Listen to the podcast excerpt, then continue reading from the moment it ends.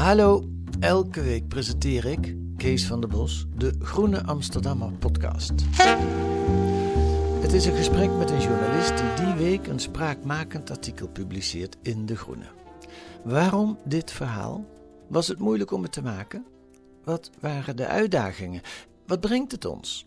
En wie is die journalist eigenlijk? Elke week een goed gesprek in de podcast van de Groene Amsterdammer.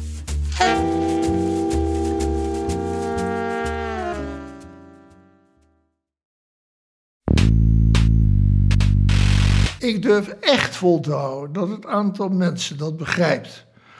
Hoe het financieringssysteem van het onderwijs, ongeveer 40 miljard, of het financieringssysteem van de zorg, ongeveer 100 miljard per jaar, dat dat kleiner dan 10 is. Moet je mij één grote onderneming noemen die besluit om zijn systeembeheer over die allergrootste dimensie in handen te laten van nou, vier mensen bij het onderwijs en zes mensen in de zorg.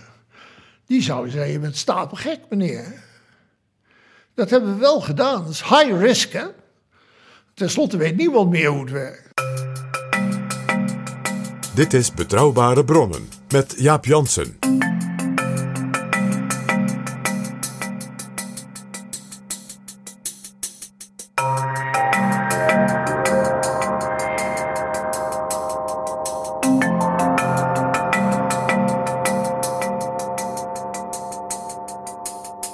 Welkom in Betrouwbare Bronnen, aflevering 226 en welkom ook PG. Dag Jaap. We gaan praten met Roel in het veld, 79 jaar oud en bekend als superadviseur van de overheid, lid van tal van commissies, halverwege de jaren 90 hoogleraar aan vier verschillende universiteiten, oprichter van de Nederlandse School voor Openbaar Bestuur en ook nog heel even acht dagen staatssecretaris van Onderwijs en Wetenschap. Welkom in Betrouwbare Bronnen, Roel in het veld. Dankjewel. Dit is Betrouwbare Bronnen. Hoe zou u uw werk omschrijven? Gedragen door uh, passie voor samenlevingen. En met veel heimwee steeds. Dus uh, ik leefde in een generatie waarin uh, toen je afstudeerde alle multinationals op de stoep stonden om je te vragen als werknemer. Dat was voor mij niet in, in het geding, want ik wou publieke sector dienen. Dat was in de jaren 60? 64. En, uh, en ik heb in mijn leven steeds de gelegenheid gekregen om uh, aan die heimwee toe te geven. door als ik gedurende langere tijd iets heel praktisch deed. te denken van: oh jee, dit vereist meer diepgang. En andersom, als ik lang aan de universiteit was, weer te denken van, ja, ik zit hier nu wel artikeltjes te schrijven, maar mijn vingers tintelen en moet er niet iets gebeuren. En ik zeg expres mijn generatie, omdat, uh, ja, het is natuurlijk een groot geschenk als je dat mag afwisselen. Uh, maar ik denk dat het nu niet meer kan, omdat in al, elk van die functionele domeinen wordt heel veel gevraagd aan specialisatie en continuïteit. En ook in de wetenschap. Hè? Dus het idee van iemand die er vijf jaar tussenuit gaat om uh, directeur begroting van de universiteit te worden. En even later vijf jaar tussenuit gaat of zes jaar om directeur-generaal te worden. Dat is eigenlijk niet meer geaccepteerd in de serieuze wetenschap. En, de me mensen kunnen dan niet meer terug. Nou, dat weet ik niet. Dat zou moeten blijken. Maar je ziet ook aan de aan, bij de aanvang van carrières van jonge wetenschappers dat zal helemaal met het beeld zitten van totale toewijding vereist, want projectfinanciering en weet ik wat allemaal. Hè? En, uh, en als we eruit vallen, zijn we lost. Hè? En dat is een dwangbuis waar ik nooit last van gehad heb. Er is geen ruimte meer voor rock and roll in je leven. Nee, en die, uh, ja, ik noem het maar heimwee, maar ik vind natuurlijk aan de andere kant dat het heel vruchtbaar is geweest dat je als theoreticus iets wist van de praktijk en dat je als practicus een beetje theoretisch fundament had. Ja, over zo'n beetje alles waarmee u zich in uw werkzame leven heeft bezighouden, is onlangs een boek verschenen, Kennisdemocratie. Dat is een uh, uitgebreide en geactualiseerde versie van een boek wat u al in 2010 schreef. Ja. En toen had het als ondertitel Opkomend stormtij. Nu is de ondertitel In het oog van de orkaan. Wat is Ja. er aan de hand? Nou, iets ernstigs, denk ik. Wat is die orkaan? Nou, dat is een orkaan van onmacht en dwarreling, zou ik zeggen. Dus onmacht in die zin dat mensen die serieus nadenken in het openbaar bestuur over wat ze aan het doen zijn, toch eigenlijk zich hele ernstige vragen moeten stellen. Over de hele linie, zou ik zeggen. Dat is één. En twee, eh, dwarreling, omdat iedereen die een beetje om zich heen kijkt, weet dat die onderdeel is van, ja, wat je zou kunnen noemen, eh, draaiende wervelingen. En in dat boek dan met name tussen media, politiek en wetenschap, waar je onderhevig aan bent. Ter- terwijl je werkt met noties van professionele integriteit en onafhankelijkheid. Maar empirisch moet je steeds weer constateren dat je je totaal in afhankelijkheden bege- begeven hebt en bevindt. Die twee. Wil je dat ik ze uitwerk? Zeker, want u schrijft in uw boek, in de inleiding van uw boek. Mijn vertrouwen in het functioneren van organen en instellingen op het macroniveau van de samenleving is ernstig ondermijnd. Ja, Dat is nogal wat. ja, dat is nogal wat.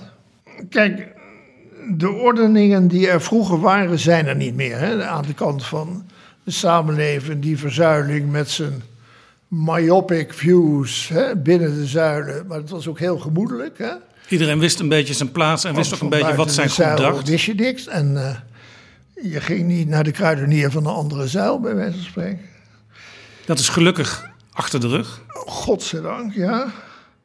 Maar tegelijkertijd heeft dat natuurlijk gezorgd voor een enorme hoop openingen, verwarring en meervoudigheid.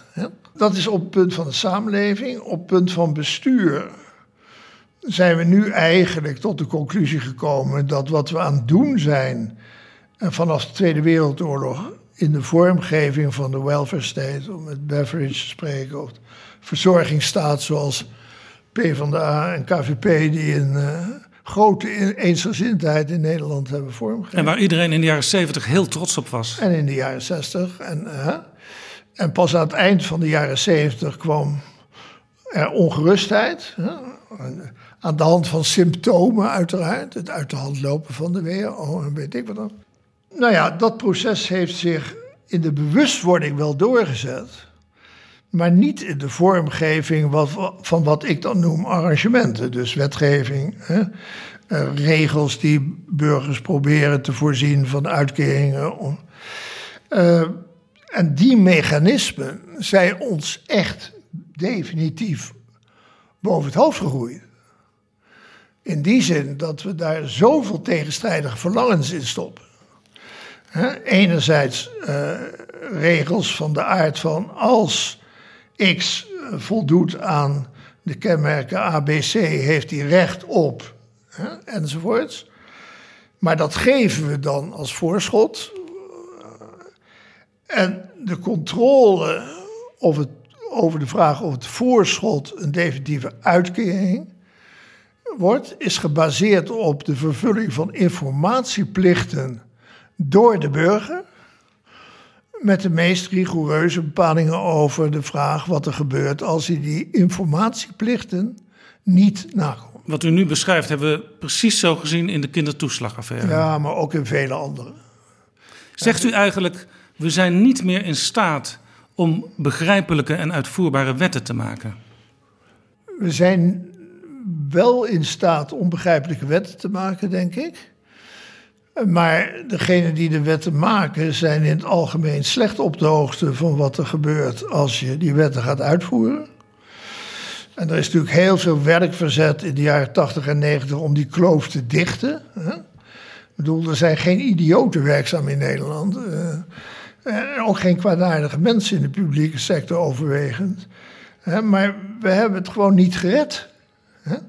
Dus die complexiteit die ontstaat door een arrangement in praktijk. Hè, en dat, die complexiteit is ook heel makkelijk te beschrijven. Die gaat langs de vraag van: er zijn casus, die worden beslist, dan komt er bezwaar en beroep, dan komt er een rechtelijke uitspraak. Hè? En op een gegeven moment levert de optelling daarvan ineens een schok op. En dat is bij de kindertoeslag eh, het geval, maar het is ook bij talloze andere van dergelijke arrangementen in, de sociaal, in het sociaal domein en daarbuiten het geval. En die schok komt meestal niet heel snel, die schok komt meestal pas na 5, 10 of 15 jaar. Ja, en, en mijn hypothese zou zijn dat die schok zo vertraagd komt omdat er geen mens meer aan te pas komt. Er is een directeur toeslagen in dat land. Daar moeten we elke dag voor bidden eh, bij de Belastingdienst. Die verstuurt ongeveer 100 miljoen brieven per jaar. In die orde van grootte, het kunnen er ook 200 miljoen zijn, maar niet veel minder. Er zijn in Nederland, eh, even los van de toeslagaffaire, maar er zijn in totaal 7 miljoen mensen die een toeslag krijgen. Ja, ja. En, en er zijn vier toeslagen. En er zijn x rechtshandelingen te verrichten per jaar over die toeslagen. Dus die mevrouw die verstuurt, dat is een mevrouw, en die verstuurt dus 100 miljoen brieven in die orde van grootte. En geen enkele daarvan heeft ze gelezen. Ze ondertekent ze allemaal. En die brieven worden ook niet in samenhang tot elkaar bekeken. Want elk, eh, elke regenregel heeft zijn eigen regime. Uh, die, kan, die rekenregels kunnen betrekking hebben op dezelfde groep burgers. Maar niemand aan de kant van de overheid coördineert of aggregeert of wat dan ook. Dus er komen alsmaar signalen in de richting van die burger. U moet uw informatieplichten vervullen. Hè? U moet dat en dat. En als u daar niet aan voldoet, zijn er sancties die al in de wet zijn omschreven. Dus u zegt eigenlijk in de overheid, niemand, tot en met de directeur-generaal toeslagen aan toe, die heeft een integraal overzicht van wat er eigenlijk gaande is in de organisatie. Nee, want die, die beleidsinformatie is heel slecht verzorgd en ook niet geaggregeerd. Nee, dus het kon gebeuren dat dat echt jarenlang bleef rusten op de eerder bepaalde eisen van de wetgever aan repressie. Want die repressie was natuurlijk heel bewust ingezet. Niet door de uitvoerende dienst, maar door de wetgever zelf. Sterker nog, de Venetië-commissie, die onlangs bij ons te gast was, die zegt. Uh, ook de Tweede Kamer is hier uh, mede debet aan. Want de Tweede Kamer begon op een bepaald moment te roepen om strenger te controleren op fraude. Ja, en de regering deed mee. En die, die waan van de dag, hè, op grond van, ja, we noemen het Bulgaren, maar ik weet niet eens of het Bulgaren waren. Maar we hebben het dan over de Bulgaren als aanleiding voor die repressie. En dan worden allerlei klassieke arrangementen die er waren om de zaak leefbaar te houden, die worden achterwege gelaten door de wetgever. Dus in alle belastingwetten vindt u de mogelijkheid dat er in de uitvoering tenslotte een transactie plaatsvindt. Ex equo et bono heet dat, hè, op basis van de specifieke omstandigheden van de casus. De hardheidsclausule. Zeker.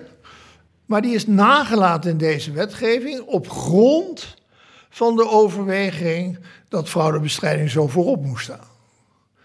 Nou, die dwaasheid hè, is niet weersproken door de regering of zelfs aangezet door de regering, dat kan ik niet helemaal meer nagaan. En vervolgens zie je in het uitvoeringsregimes computers aan het werk. Geen mensen, computers. En die veroorzaken dus onnoemelijk leed. Aan de basis van de samenleving. Die slecht is toegerust om informatieplichten na te komen. Wat eh, die formuleren, nou ik weet niet of. Hebt u ooit een bijstands verzoekformulier ingevuld. Dat, is een, dat zouden wij zonder zeer emotioneel te worden niet kunnen. Ik, het is zo vernederend. Ja, ik ken wel de. Ik heb, ben wel in confrontatie geweest met het UWV persoonlijk. Ja. En dat vond ik al best ingewikkeld allemaal, wat daar moest worden ingevuld. Ja. En ook niet allemaal bij één keer lezen begrijpelijk. Nee. En dan staat er dus in de wetgeving, en daar is ook wel een brief over ondertekend door diezelfde mevrouw. Uh, u moet van elke mutatie uh, aangifte doen. Nou ja, ik weet niet of mutatie, laten we zeggen wijziging die relevant is Maar die mens aan de basis van de samenleving kan helemaal niet bedenken welke wijziging relevant is. En wie, en wie bepaalt wat, dat, wat dan relevant is? Want dat is, Nou doen ze niet zelf. Dat komt uit De de regels. regel plus de daarop gebaseerde uitvoeringsregels plus de daarop gebaseerde jurisprudentie. Dat bepaalt tenslotte wat de uitvoerende dienst als relevant gaat hanteren en op grond waarvan beslissingen worden genomen. Ik bedoel, ik zelf heb mij nogal bezig gehouden de afgelopen tien jaar met schuldhulpverlening. En dan zie je dus dat iemand die in het verplichte regime zit, dat is een regime waarbij je post wordt opengemaakt voordat jij hem ziet, om even een kenschets te geven. Dat iemand die in dat verplichte regime zit, die krijgt een moeder te logeren uit Pakistan of god weet wat. Dat geeft ze niet aan. Ik kan u in alle eerlijkheid zeggen dat ik er nooit aan gedacht zou hebben als wijlen mijn moeder zou komen logeren, dat ik dat moest aangeven aan een Het is overheidsinstantie. dus volstrekt begrijpelijk dat iemand daar überhaupt niet bij stilstaat. En op grond daarvan wordt ze uit het regime gezet. Omdat ze de informatieplicht niet vervuld heeft. Dus ik vraag even om empathie met, de, eh, met het vermogen van die mensen aan de basis van de samenleving. om mee te denken met die algoritme ontwerpende ambtenaren. die die informatieplichten construeren. Ja, maar wacht even. Die ambtenaren, die ik hebben wacht, toch, Ik wacht. die ambtenaren hebben toch ook een moeder, die ambtenaren hebben toch ook kinderen. Dus die kunnen in theorie ook met hetzelfde systeem geconfronteerd worden. Ooit. Ja, Waarom, doen ze, waarom maken ze dan toch deze regels? En waarom voeren ze die op die manier uit? Nou, ik moet zeggen dat ik wel een aantal mensen gesproken heb, waaronder parlementariërs, die toen ze echt zelf in die kinderopvangtoeslag zaten, ook moeite hadden met invullen.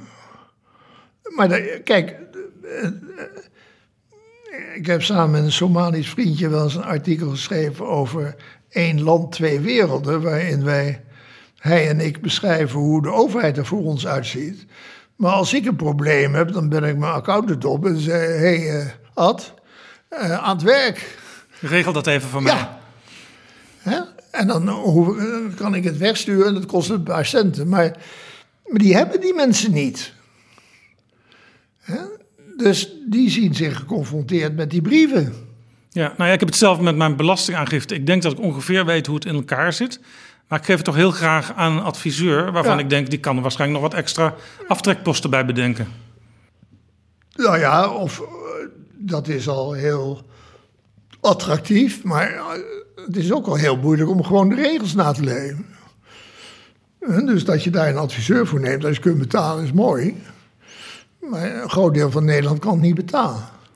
U zei hiervoor dat die mevrouw op die hoge ambtelijke post zo'n 100 miljoen brieven per jaar verzendt. Ja, En in feite zijn dat dus allemaal eentjes. Dat zijn dus specifieke gevallen met specifieke brieven. ja.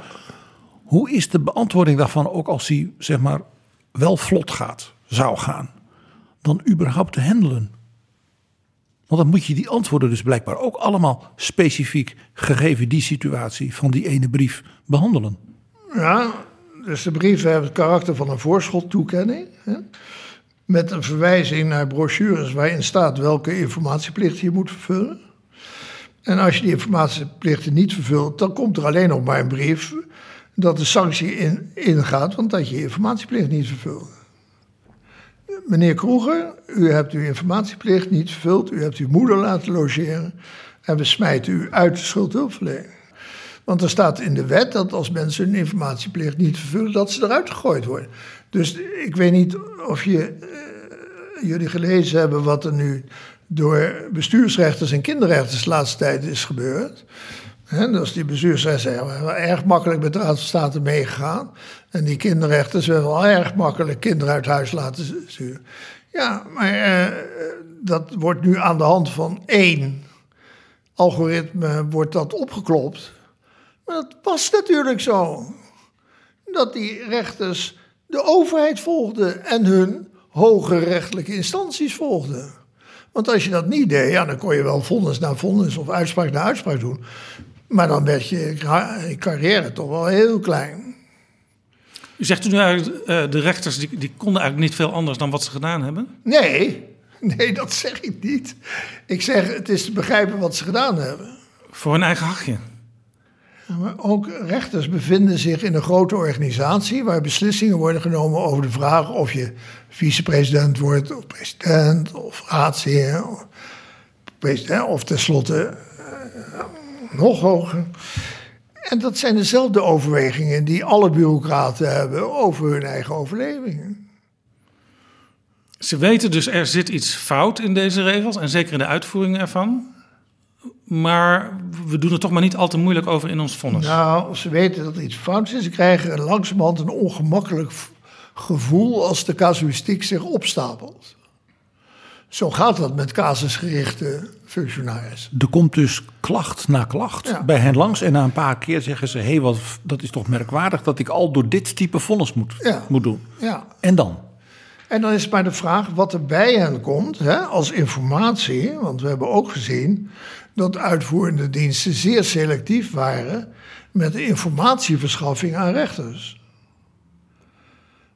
Dus, en dan moet dus de cliënt eigenlijk een hele goede advocaat hebben, die hij ook weer niet kan betalen. Het zal ons echt niet overkomen. We zouden Den Haag slopen voor het zover was. Maar die mensen zijn weerloos. Nou, is het besef in Den Haag langzaam ingedaald, of wat moet misschien ja. zeggen, het daalt langzaam in dat hier dingen gruwelijk mis zijn gegaan. Ja. Nou wordt er op dit moment een uh, kabinet in elkaar gezet. En de informateurs en de onderhandelaars die hebben deze week onder andere ontvangen de directeur-generaal van de Belastingdienst, uh, de, de, baas van het UWV, de directeur-generaal toeslagen, waar we het net over hadden. En ook nog op ander terrein uh, de baas van de IND en de baas van het Centrale Opvang Asielzoekers. Ja. Allemaal uitvoerende diensten. Maar u zegt eigenlijk ja, waarschijnlijk worden ze van die gesprekken niet heel veel wijzer, want die bazen weten het zelf ook allemaal niet precies. Nou, dat weet ik niet, want er zijn allemaal vrij verstandige mensen die zij ontvangen hebben.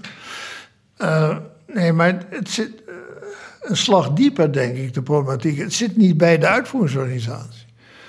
Het zit in, in, de, in de cyclische aard van de arrangementen. Er, er, er wordt een regel ontworpen, uh, er wordt een sanctioneringsarrangement ontworpen. Dat gebeurt door de wetgever of een afgeleide van de wetgever en dat wordt opgedragen aan de uitvoeringsorganisatie. Nou, je mag hopen dat die uitvoeringsorganisatie van tevoren de gelegenheid heeft gekregen om aan de wetgever te vertellen of dat arrangement überhaupt uitvoerbaar is. Je mag hopen, zegt u. Ja, nou ja, we hebben daar erg voor gestreden in, in de naweeën van 88 en tot standkoming van een aantal ZBO's. Dat he, afschuwelijke woord is ex-ante uitvoerbaarheidstoets. Even wachten, want dit gaat al heel snel hoor. Uh, u heeft het over 1988, wat gebeurde er toen? Nou, toen was er een kleine kwestie met studiefinanciering. En toen heb ik daar een tijdje geopereerd als crisismanager. En daarna is, dat, is, dat, is die organisatie verzelfstandigd. En hebben sommigen van ons ook een rol gespeeld bij de verzelfstandiging van andere organisaties. En het herstructureren van de verhouding tussen wetgever en uitvoeringsorganisaties. En toen is er iets ontworpen wat dat afschuwelijke woord is, ex-ante uitvoerbaarheidstoets. Ja, want studiefinanciering ging natuurlijk ook, was misschien wel vergelijkbaar, ging ook om heel veel geld om heel veel, ja, in feite toeslagen ook. Zeker. En heel veel cliënten met allemaal individuele gevallen. Ja. En waarvan ook regelmatig de omstandigheden veranderden. Bijvoorbeeld een student die verhuist. Ja, of trouwt, of zijn relatie opzegt, of uh, met z'n zessen in een ander huis gaat wonen. Nou ja, je kunt het zo gek niet bedenken. Het dynamische leven van de student was niet helemaal afgetast op de regeling. Nee, maar het akelige was dat die wet studiefinanciering die minister Deetman veel roem heeft bezorgd, omdat hij de eerste was sinds 1916 die erin slaagde om een wettelijke regeling voor de studiefinanciering tot een goed eind te brengen. Dus hoera voor de minister destijds? Hoera voor de minister, hoera voor het compromis dat in die regeling was vervat. Maar het was naar de vorm, op uitdrukkelijk verlangen van de bewindslieden van sociale zaken, geschreven als een sociale uitkeringsregeling. Dus met eigenlijk alle dwaasheden. analoog aan de bestaande systemen. Aan het ja, bestaande systeem. waarin veel dwaasheden zaten. Dus toen wij eh, een, crisisteam mochten vormen om voor Deetman in Groningen een beetje de kolen uit het vuur te halen en te zorgen dat die regeling überhaupt ging werken. Hè, toen kwamen wij dingen tegen als de partnerregeling of eh, allerlei andere ornamenten van, afkomstig van de sociale zekerheid. Hè, waarvan je eh, zou kunnen, de woonplaatsregeling, want er was een aanzienlijk verschil tussen de basisbeurs voor een thuiswonende en uitwonende. Dus u zag tegelijkertijd toen ook hoe ingewikkeld eigenlijk de sociale zekerheidsregelingen in elkaar zaten. Nou, dat, dat, dat zag ik niet meteen. Maar toen wij er niet in slaagden om in ons kleine gebiedje daar orde op zaken te stellen met betrekking tot partners en uitwonen. Toen eh, kwam er een zitting van het kabinet waarin eh, de bewindslieden eh, van sociale zaken, de koning en de graaf zeiden: ja, je hebt ook een waardeloze gedelegeerd bestuurder daar neergezet in het veld. Dus dat was u, hè? U was die gedelegeerd bestuurder. ik was die gedelegeerd bestuur. En die heeft natuurlijk niet in de gaten. Laat ze maar eens gaan praten met de directeur van de sociale dienst. Nou, wij gedaan. En, en eh, toen is mijn grote ontdekking gekomen. Nou ja, groot, alles is klein. Maar een grote ontdekking gekomen over wat er bij sociale zaken speelt. Want de bewindslieden waren ervan overtuigd dat die regelingen werden uitgevoerd. Eh, Toen wij bij de directeur sociaal dienst kwamen en gingen praten over een partner, toen begon ze heel hard te lachen.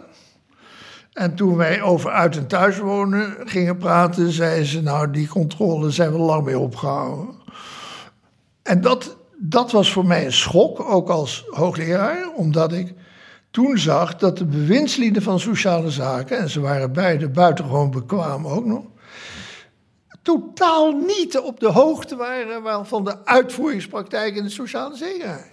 En die uitvoeringspraktijk, dat was eigenlijk de bedoeling dat die in de studiefinanciering op dezelfde manier zou verlopen, terwijl ze bij sociale Ja. zaken al wisten dat het gewoon niet Ja, meer maar dat functioneerde. nooit aan de bewindslieden of aan het kerndepartement hadden verteld. Dat is gewoon gescheiden werelden. En wij hebben toen gezegd, nou ja, dat kan dus niet. Dat is dwaas. Hè? U heeft meegemaakt dat er iets was met studenten die vroegtijdig overleden. En dan moest er een soort informatie komen over het feit dat die student niet meer, Ja. niet meer leefde. En dat deden dan de ouders. En wat gebeurde er dan? Ja, de ouders die schreven keurig een brief naar Groningen van... eh, mijn dochter is overleden, wilt u ophouden met haar studiefinanciering? En dat gebeurde dan niet. Iemand was overleden, maar kreeg nog steeds studiefinanciering. kreeg nog steeds ja, op een betaalrekening kwam studiefinanciering. En eh, nou ja, ik probeerde in mijn eigen organisatie te achterhalen hoe dat kwam. Eh, en ik zat daar dus voor zes maanden met mijn team. Hè? Dus eigen organisatie is een groot woord, maar wel een beetje de eigen organisatie. Nou, en toen kwam ik bij een heel conscientieuze ambtenaar eh, ergens in een hoekje van het gebouw. En die was belast met het regelen van overlijdens. En die zei: Ja, ik hoor u zeggen dat dat niet kan. Maar ja, ik kan iets anders niet. Want eh, in de wet staat dat iedereen van iedere mutatie over eigen woonplaats, verblijfplaats en status zelf aangifte moet doen. Dus als ik die niet krijg, kan ik de studiefinanciering niet beëindigen. Iemand is pas dood als hij het zelf meldt. Ja, dat was de implicatie. Nou ja, en dat was dus niet, door, niet omhoog gespeeld. Dat bleef gewoon hangen in die organisatie. En dat was natuurlijk komisch en tragisch tegelijk en klein. Maar ja, als het alleen nog maar computers zijn, dan gebeurt dat in het groot. Wat u nu vertelt, Heb ik toen ook over die ministers, ook over die ministers van, van, van toen. Ja, Dat is in feite wat, we, wat u eigenlijk hier eerder vertelde over die mevrouw, de DG. Die zegt van, zij is de baas, maar zij weet van al die individuele gevallen. Ja. En dus de organisatie daarvan, en dus ook die computerorganisatie daarvan, daar weet zij niks van. nee. Dus dat is in feite verergerd ten opzichte van toen. Ja. ja, dat is verergerd ten opzichte van toen. Hè. En toen hadden we ook nog de mogelijkheid om het een deel terug te draaien. Toen hebben wij gezegd, als team hebben wij gezegd tegen de minister van... ja, je moet niet van die gedetailleerde regels maken... want dat wordt toch troep in de uitvoering. dat was Deetman, snel met ons eens. En werd kansloos geslacht op dat punt in de ministerraad. De ministerraad wou geen globalisering van de regeling. Want het was zo keurig geregeld allemaal, en detail. Ja. In de kindertoeslagaffaire is gezegd... de uitvoering komt bij de Belastingdienst te liggen... En daarvan is later gezegd, hadden we nooit moeten besluiten, want de Belastingdienst is er om belasting te innen en niet om toeslagen uit te keren. Hadden we dat maar belegd bij eh, sociale instanties. Maar u zegt, ja, dat heb ik toen destijds meegemaakt en dat ging ook niet goed. Nee, dat ging ook niet goed, maar we hebben natuurlijk toen wel veel ervaring opgedaan met de speciale problematiek van uitkeringen. En ik heb later ook nog, toen ik voor een andere minister, voorzitter van de Raad van Toezicht van Informatiebeheergroep mocht zijn. Dat is de rechtsopvolger van studiefinanciering, laten we zo zeggen. Hebben voorgesteld om de Sociaal Verzekeringsbank en, uh, en studiefinanciering en uh, informatiebeheergroep te fuseren. En zo een grote uitkeringsorganisatie te maken. En dat is gestuurd op uh, de hindernis die bestond. doordat de voorzitter van het bestuur van de SCB zei, Bert de Vries die zei dat kan niet, want bij ons zijn sociale partners het bestuur. En dat, dat, is toen afgeschampt. Jammer, vind ik. En toen heeft later heeft, uh, uh, minister Zalm in een groot gebaar gezegd... doe die uitkeringen maar bij de Belastingdienst. Daar heeft de directeur-generaal, de vrouwelijke directeur van generaal van de Belastingdienst... ernstig bezwaar tegen gemaakt op hele goede gronden en is overruled. Dus dat is echt een politieke beslissing in de zin van een beslissing door politici. Dus ook een voorbeeld dat de minister, in dit geval Gerrit Salm, geen idee had eigenlijk van wat dat voor implicaties had. Nee, had hij niet. Is een macro-econoom. Macro zegt het al, ver van de mensen. We hadden uh, in Betrouwbare Bronnen aflevering 120 Roel Becker te gast. Ja. Die zegt, ambtenaren moeten voortaan onuitvoerbare opdrachten weigeren? Ja, dat vind ik zo'n groot woord. Hè? Kijk, ik heb, uh, ik heb wel eens mijn ontslag aangeboden, maar ik heb geen ontslag genomen tijdens mijn DG-schap. Dus ik vind dat je daar heel zuinig mee moet zijn. Hè, om grote woorden te spreken. Ja, nou ja, weigeren, het hoeft natuurlijk niet meteen ontslag nemen te zijn. Maar gewoon zeggen, minister, dit klinkt misschien mooi op papier, maar het is onuitvoerbaar. Dit, dit kunnen wij gewoon niet doen. daar, komt, daar komt uiteindelijk een enquête van. En dan bent u ook weer het slachtoffer, meneer de minister. Ja, ja. Nou, dat is al heel ver hoor. Ik, eh, ik kan die spellen heel lang spelen met jullie over in welke situatie wat verstandig is. Hè. Uh, dus je kunt het metaspel spelen. Dat betekent, minister, wilt u voor een ogenblik even mij zijn, dan ben ik even minister. En dan doen we het nog een keer over. Heeft u dat wel eens gedaan? Nou, dat heb ik wel eens gedaan, ja. Met, maar met een minister met wie ik een goede relatie had. Niet met de opvolger, want daar had ik geen goede relatie mee. Dus dat is ook een vertrouwenskwestie. Als je als ambtenaar met een minister zo omgaat. Het is heel teer. Er is namelijk niks opgeschreven. Ik was een keer met Deetman in Las Vegas. Vraag niet, we waren daar met een zeer eerbare missie, meneer Kroeger. Het ging om belangrijke staatszaken. Maar op een zaterdagmiddag, want zondag kon natuurlijk niet, hebben wij ons vermaakt in Las Vegas. En toen, uh, toen vroeg ik aan Deetman, wat zou er nou gebeuren? Want ik had een creditcard zonder limiet van departement. En wat zou er nou gebeuren als ik vanavond een miljoen vergok? Toen zei hij, nou, dat is heel eenvoudig hoor. Ik neem ontslag en jij gaat de gevangenis in.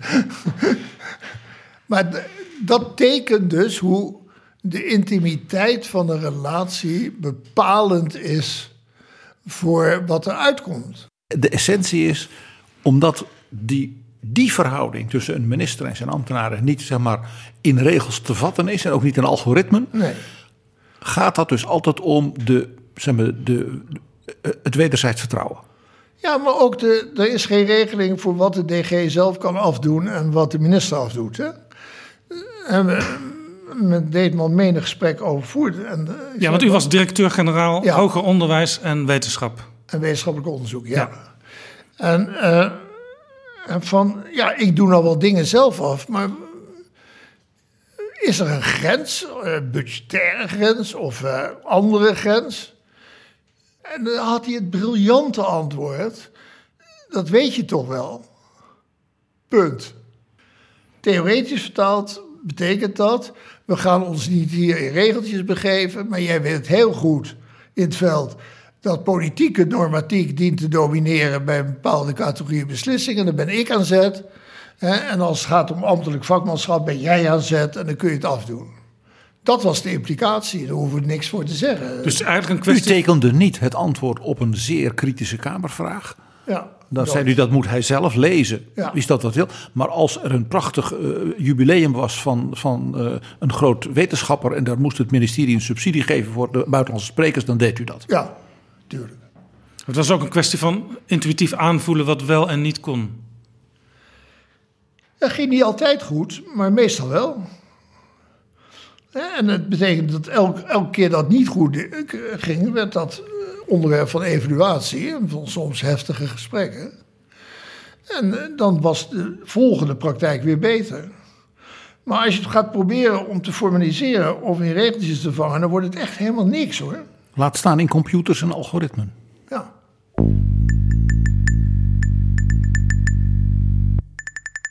Zou je kunnen zeggen dat de overheid overbelast is?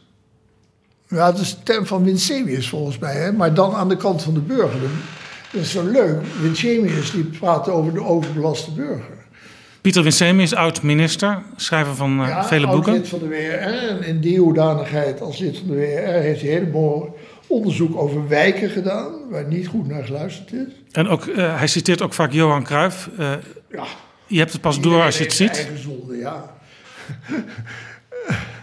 maar in dat onderzoek over wijken had hij dus steeds had hij heel goed zicht gekregen, wat hij als minister ook niet had. Net als ik het niet had toen ik DG was, over het feit dat al die verplichtingen die de overheid oplegt, terechtkomen bij de burger die het meest intensieve relatieverkeer met de overheid is. En dat is de zwakke in de samenleving. Ja, dat is Dus vaak de burger die een in uitkering de of een toeslag heeft. En de meeste plichten leg je neer bij de groep die het minst geëquipeerd is om die plichten na te komen. Dan krijg je een optelsom. Hè? Dan krijg je een optelsom bij Ja. zulke burgers. van en sociaal en de kinderen dit. Ja, en de overheid neemt niet de moeite om de plichten bij elkaar op te tellen. Hè? Dat gebeurt helemaal niet. Dat zijn allemaal ook weer losse silo's. die naar die burger communiceren. Ja, Dus de overheid zorgt ervoor dat de burger die veelvuldig in contact is met die overheid overbelast raakt. ja. Dat is mijn beeld. En ook dat van Winsemius in menig opzicht. En van een heleboel andere mensen die hier naar gekeken. Is dit ook een oorzaak waardoor in de afgelopen anderhalf jaar het vertrouwen in de overheid bij de burger gekelderd is van 70% naar 30%? Ja, dat weet ik niet. Ik Onderzoek van de Erasmus Universiteit afgelopen week. Ja, ik weet het wel. Ik, ken de bron wel. Maar de- ik, eh, ik vind het. eh, ik weet nooit of dat conjunctureel of structureel is. Ehm, Want conjunctureel is bijvoorbeeld het vertrouwen wat omhoog ging toen Mark Rutte ineens elke week vertelde hoe erg het was met de coronacrisis en wat we als samenleving moesten doen. Toen ging ineens het vertrouwen omhoog. ja, een tijdje. Hè? Maar de burger is natuurlijk en wijsgeer op een rots en parasiet tegelijk. Hè? Dus als wijsgeer op een rots kijkt hij naar de effecten van COVID-beleid en na een tijdje denkt hij, nou ja, het is toch een beetje random lijkt het wel. Hè? Eh, dus moet toch eens een beetje anders naar gekeken worden misschien. En als parasiet, eh, diezelfde burger in een andere kwaliteit of op een ander uur van de week denkt van, nou daar kom ik goed vanaf zeg. En dat zijn meestal de mensen die niet behoren tot de zwakste groep van de samenleving. Dus ik vind dat, kijk, we kunnen een heleboel praten over ongelijkheid van vermogen en inkomen. Maar die, die ongelijkheid die het overheidsbeleid zelf maakt, los van financiële relaties, met name door die informatieplichten, die eindeloze informatieplichten. Ja, dat schept een ongelooflijke ongelijkheid. Ja, de burger raakt overbelast door, door de overheid. U heeft ooit eens bepleit het ambtenarenapparaat in te krimpen van toen 145.000 naar 15.000 ambtenaren. Was dat een grap? Nee, want ik denk dat. Wanneer was dat trouwens? Ja, lang geleden. Nou, ik vind nu in veel opzichten het ambtenarenapparaat te klein als het gaat om inzicht. Hè, dus we hebben. Kijk, we hebben een rare ordening in Nederland. Hè? Dat is ook wel bijzonder. Ik ken geen ander land waar dat zo opgetuigd is. We hebben een aantal buitengewoon goede instellingen, namelijk de planbureaus en de WR. Centraal Planbureau, het Sociaal Cultureel Planbureau. Misschien ook het RIVM en dat soort instellingen. Hè? Die zijn weliswaar bijna wegbezuinigd, maar dat is toch lekker niet gelukt. Hè? En dat zijn fantastische instellingen die heel veel doen aan die kloof tussen kennis en beleid en heel veel doen. Even een vraag tussendoor. Was er een reden waarom die bijna wegbezuinigd werden? Nou, laten we het zo uitdrukken dat een aantal achtereenvolgende kabinetten geen aanleiding heeft gevonden om er minder dan proportioneel op te bezuinigen. Had dat ermee te maken dat eh, politici, want ja, aan de top staat meestal een politicus, eigenlijk niet zoveel behoefte hebben aan onafhankelijke inzichten? Nou, dat vind ik weer te kwaadwillend. Dat, eh, daar geloof ik helemaal niks van. De politici weten in het algemeen helemaal niet wat de planbureaus presteren. En die, die krijgen dat zo gefilterd door als informatie. En bovendien, de planbureaus verschillen onderling ook nog geweldig. En Een aantal van de organisaties mogen evalueren. En dat is Ja, dat is eigenlijk interessant wat u zegt. De, de, de planbureaus die produceren zoveel dingen. Daar is eigenlijk nog veel meer inzicht te halen dan er nu uitgehaald wordt. Zeker. Maar ook de verbindingen tussen die planbureaus en de kerndepartementen en de politiek kunnen nog heel veel verbeteren. Nou ik zal geen persoonlijke voorkeur eh, ten beste geven, maar wat, eh, wat met name het Planbureau voor de Leefomgeving in de afgelopen vijf jaar heeft geproduceerd, in, de, in het zoeken van die verbinding met beleid. En, en niet zozeer op de, grond, op de voorgrond stellen van wijsneuzerigheid. Dat vind ik echt heel kostbaar. En daar is Nederland ook heel mooi mee opgetuigd. Hè? Dus dat is goed. De, je hebt een aantal ambtelijke kernen op de departementen die er behoorlijk uitzien, maar wel heel dun. Hè? Ik durf echt vol te houden dat het aantal mensen dat begrijpt hoe het financieringssysteem van het onderwijs, ongeveer 40 miljard, of het financieringssysteem van de zorg, ongeveer 100 miljard per jaar, dat dat kleiner dan 10 is. Het aantal mensen dat, Ja. dat daar inzicht in heeft. Ja.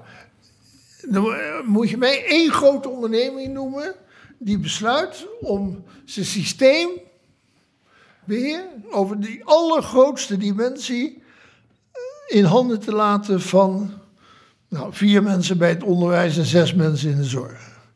Die zou zeggen, je bent stapelgek meneer. Dat hebben we wel gedaan. Dat is high risk hè. Ten slotte weet niemand meer hoe het werkt. Ja, maar dat is erg. Ik bedoel, dat is, dat is ongelooflijk riskant. Ja, de, de kwetsbaarheid daarvan Ja. is natuurlijk enorm. Ja, U, u zegt ook eigenlijk, eh, we hebben ook weer wat meer echte specialisten nodig. Die inzicht hebben. nou, ik weet niet of het specialisme is of dat je gewoon moet begrijpen hoe die arrangementen in elkaar zitten. Waarvan het bekostigingssysteem natuurlijk een onderdeel is. Ja, nou hebben we in Nederland natuurlijk op een bepaald moment eh, de Algemene Bestuursdienst opgericht. Ja, Het idee was, eh, we gaan topambtenaren over de departementen en over de diensten verspreiden. Om de vijf à zeven jaar krijgen ze een andere topfunctie. Eh, n- langzamerhand hoor je daar eigenlijk steeds meer klachten over. Eh, want bijvoorbeeld als je het hebt over een departement, ik, ik noem maar justitie. Ja, de grote juristen zitten daar niet meer aan de top. En dat heeft zijn gevolgen. ja, dat is natuurlijk niet een noodzakelijk uitvloeisel van het ABD-construct. Maar er is iets anders aan de hand geweest, en met name op justitie. Namelijk dat die voorname eh, intellecten die van buitenaf werden aangetrokken, er ook als de sodomieten weer uitgingen. Die werden Vrijwillig? gewoon weggepest. Oh, niet vrijwillig. Nee, nee, die werden gewoon weggepest. En ik kan daar wel drie, vier, vijf op dat departement voorbeelden van noemen. Van mensen die werden aangezocht uit de wetenschap of uit de praktijk, omdat ze briljant waren. Vervolgens niet aanstonds konden aarden binnen de Haagse cultuur van het departement. Daar ook geen hulp uh, bij kregen, maar wel veel vijanden hadden. En die gewoon ten onder zijn gegaan. Ja. En daar hebben wij vanuit Nederlands School voor Openbaar Bestuur wel nodig aan proberen uh, te doen in de zin van tegenwicht bieden met vormingstrajecten. Maar degene die de vijand waren, kwamen natuurlijk nooit. Nee, want je zou toch denken, u, u bent een van de oprichters van die school. Ja. Uh, dat die mensen van de ABD, die hebben dan allemaal zeg maar, dan ook maar het klasje van Roel gehad, zal ik maar zeggen. En dan heb u dat dus niet zo goed gedaan. Nee, een aantal dingen hebben we ook niet zo goed gedaan, vind ik. En met name die intensiteit van dat DG-traject en dat SG-traject, wat we, ik denk, zeven jaar gedaan hebben. Nu is dat allemaal in de ABD zelf opgenomen. En dat hebben wij in die zin niet zo goed gedaan, dat we die mensen niet uh, het vermogen hebben meegegeven om zich te wapenen tegen hun vijanden. Daar heb ik achteraf echt ook uh, wel spijt van. U was niet hard genoeg eigenlijk tegen ze. Niet? Niet hard genoeg. Nee, niet, dat is geen kwestie van hardheid, maar het is een kwestie van die mensen laten zien. Kijk, ik had dat zelf ook toen ik DG werd.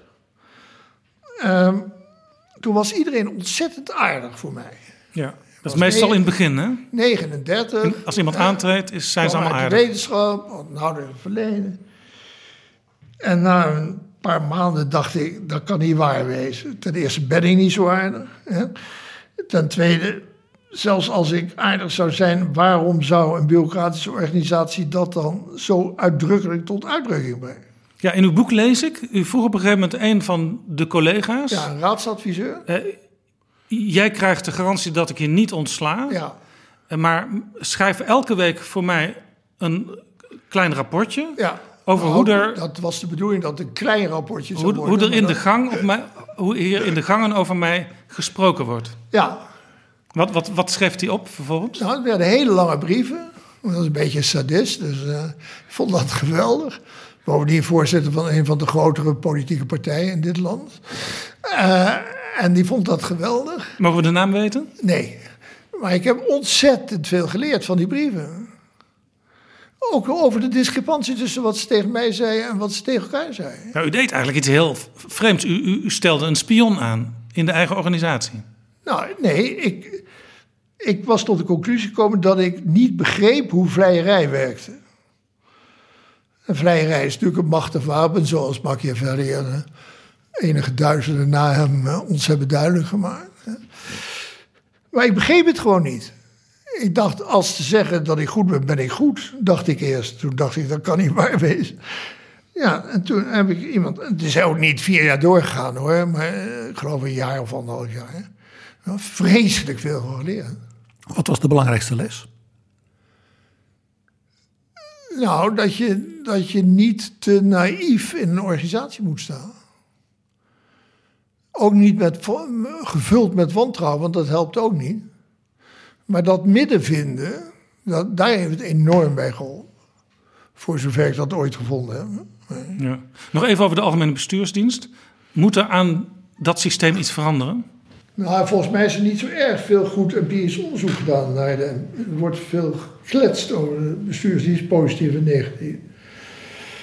Ik heb een keer een advies geschreven voor de secretaris-generaal van Binnenlandse Zaken, waarbij, ik heb aanbevolen om de, de ABD een ZBO te maken, zodat die mensen zouden functioneren in een eigenstandig verband hè, en meer zouden worden uitgezonden naar een departement, waarbij er dan ook een onderhandeling zou zijn tussen het departement en het ZBO over de condities waaronder. Als een soort eh, interim manager of crisismanager.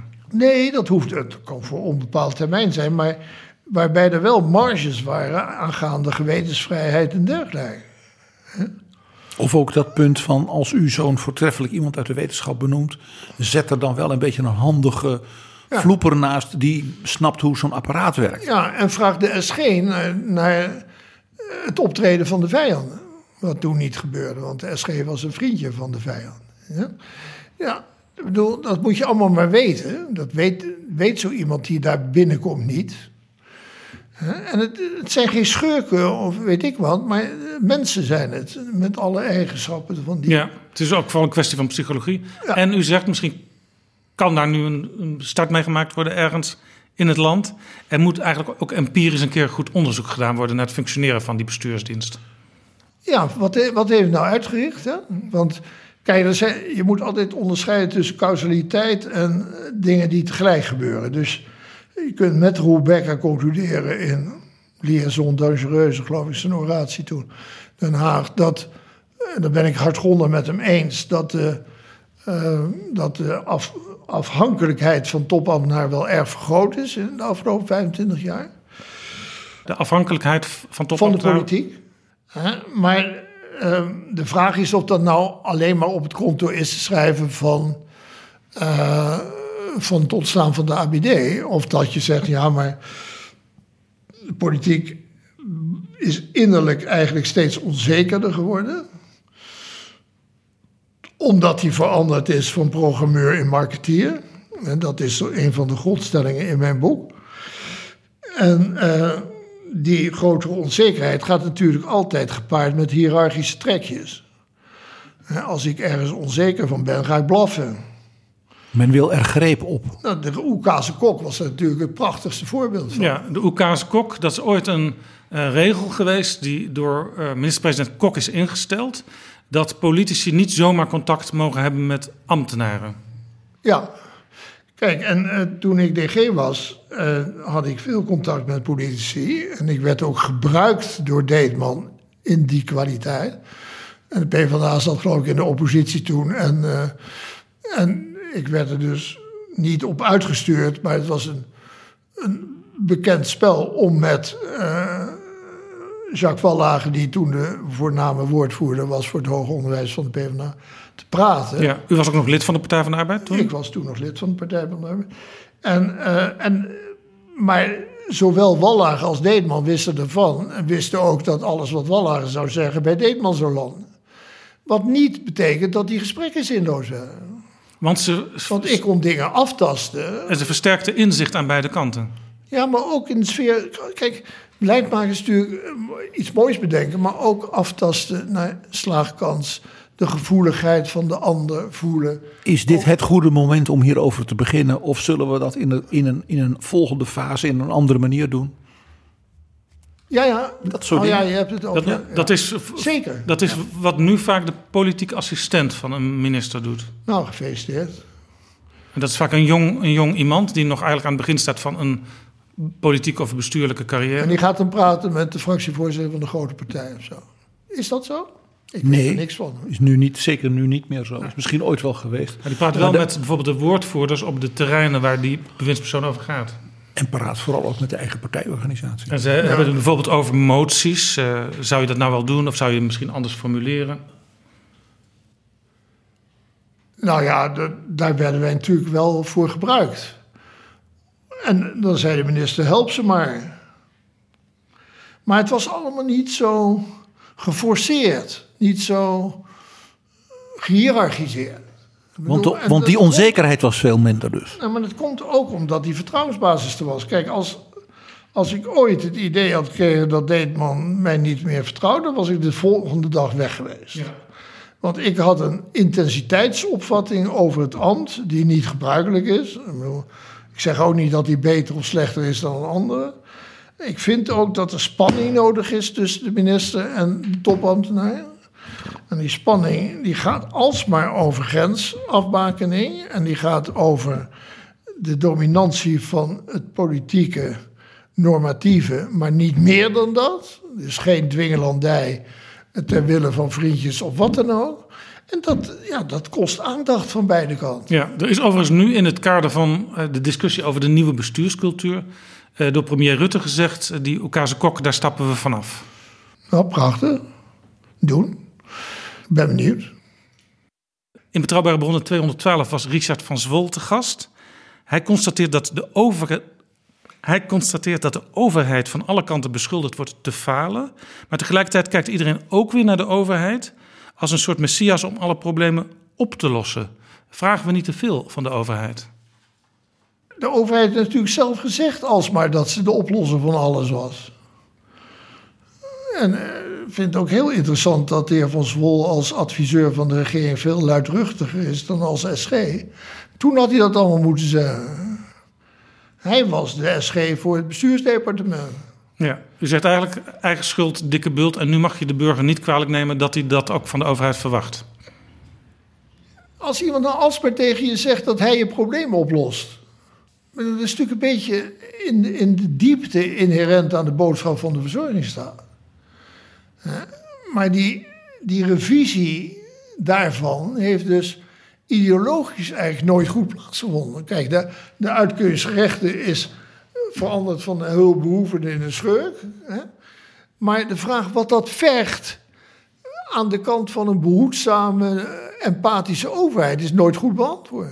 Het is allemaal hetzelfde. We komen elke keer op hetzelfde terecht. Ja, en u, Dus de, de pretentie van die overheid is ten opzichte van de zeer omvangrijke eh, verzorgingsstaat niet veranderd. Maar de realiteit van de, van de toepassing ervan is fundamenteel wel veranderd. Ja. Ja, maar dat vind ik bijvoorbeeld het goede van Carola Schouten. Dat hij vier jaar lang is blijven zeggen... Luister eens vrienden, kringlooplandbouw komt uit de samenleving, niet van mijn departement.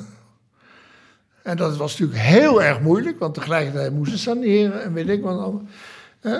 Maar dat heeft ze heel gewetensvol volgehouden.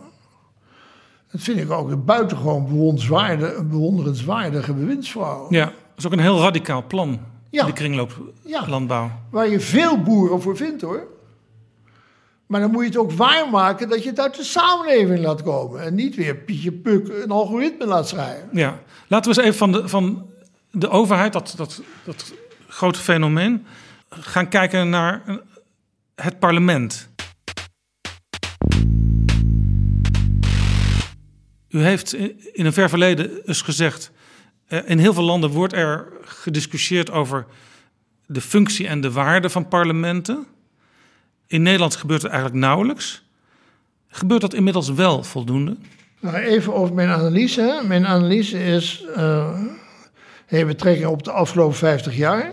En waarin ik zeg, nou ja, er hebben zowel op macro als meso als microniveau van de samenleving tamelijk ingrijpende gebeurtenissen plaatsgevonden. En eh, op microniveau is de mens niet waardeloos geworden, maar het ideologisch bindweefsel dat al die waarden met elkaar verbond langs een geestelijke stroming is eigenlijk grotendeels verdwenen. Dus die waarden die zijn als het ware los van elkaar komen te staan. Niet verdwenen, hè, maar niet meer logischerwijze verbonden. Op pagina 91 van uw boek zegt u: politieke partijen zijn lege dozen, dummies voor zover het om inhoud gaat. Ja. Op, op- de politieke partij heeft zich omgevormd van programmeur naar marketeer. Dus die- Beeldvorming nou, beeldvorming, steun, steunverkrijger. via beeldvorming. stemmen. Dus dus waar, waar- ik heb een paar keer in een programmacommissie van de PvdA gezeten. En 50 jaar geleden, ja, iets meer dan 50 jaar, ging het zo dat, dat, ze zei, dat de partij van zichzelf zei: wij zijn een programmeur. En een programmeur is iemand die de actuele toestand van de wereld gebruikt om het ideologisch beginsel eh, te verscherpen en te actualiseren in een programma. En 50 jaar later zat ik weer in een commissie van de PvdA. 1998 geloof ik. Maar de, toen, eh, toen ging het over de hypotheekrenteaftrek. Wim Kok was toen premier. toen was er een meerderheid in de commissie om eh, de, de beperking van de renteaftrek niet in het programma te zetten, omdat het zoveel stemmen zou kosten. Ja. En het gaat mij niet om dat punt, maar om de overwegingen omheen. En ook het, en ook Dat, het feit, dat, dat is die marketeer. Ja, en ook het feit dus dat het beginsel niet werd vertaald in het programma. Nee, de- eigenlijk werd het programma secundair, is ook nergens meer te vinden later. Hè. En o- dominant werd de calculatie rondom de vraag welke inhoud van het programma brengt ons stemmen en welke personen brengen ons stemmen. En, en nog later werd het, en met name door de interactie tussen media en politiek, welke personen brengen ons. Dit is bijna, bijna letterlijk ook de analyse die Herman Tjenk Willink onlangs aan dezelfde tafel bij ons gaf. Hij zegt, Er zijn op dit moment zoveel politieke partijen omdat er zo weinig te kiezen valt. Ja, Ze lijken allemaal op elkaar. Ja maar dat Die- op elkaar die lijken grote is ook een gevolg van een economisch principe. Namelijk, dat het economisch principe is heel eenvoudig. Je hebt een oneindig groot strand en twee ijskoverkopers. Waar verkopen ze het meest als je ze naast elkaar zet? Ja. Nou, dat is gebeurd.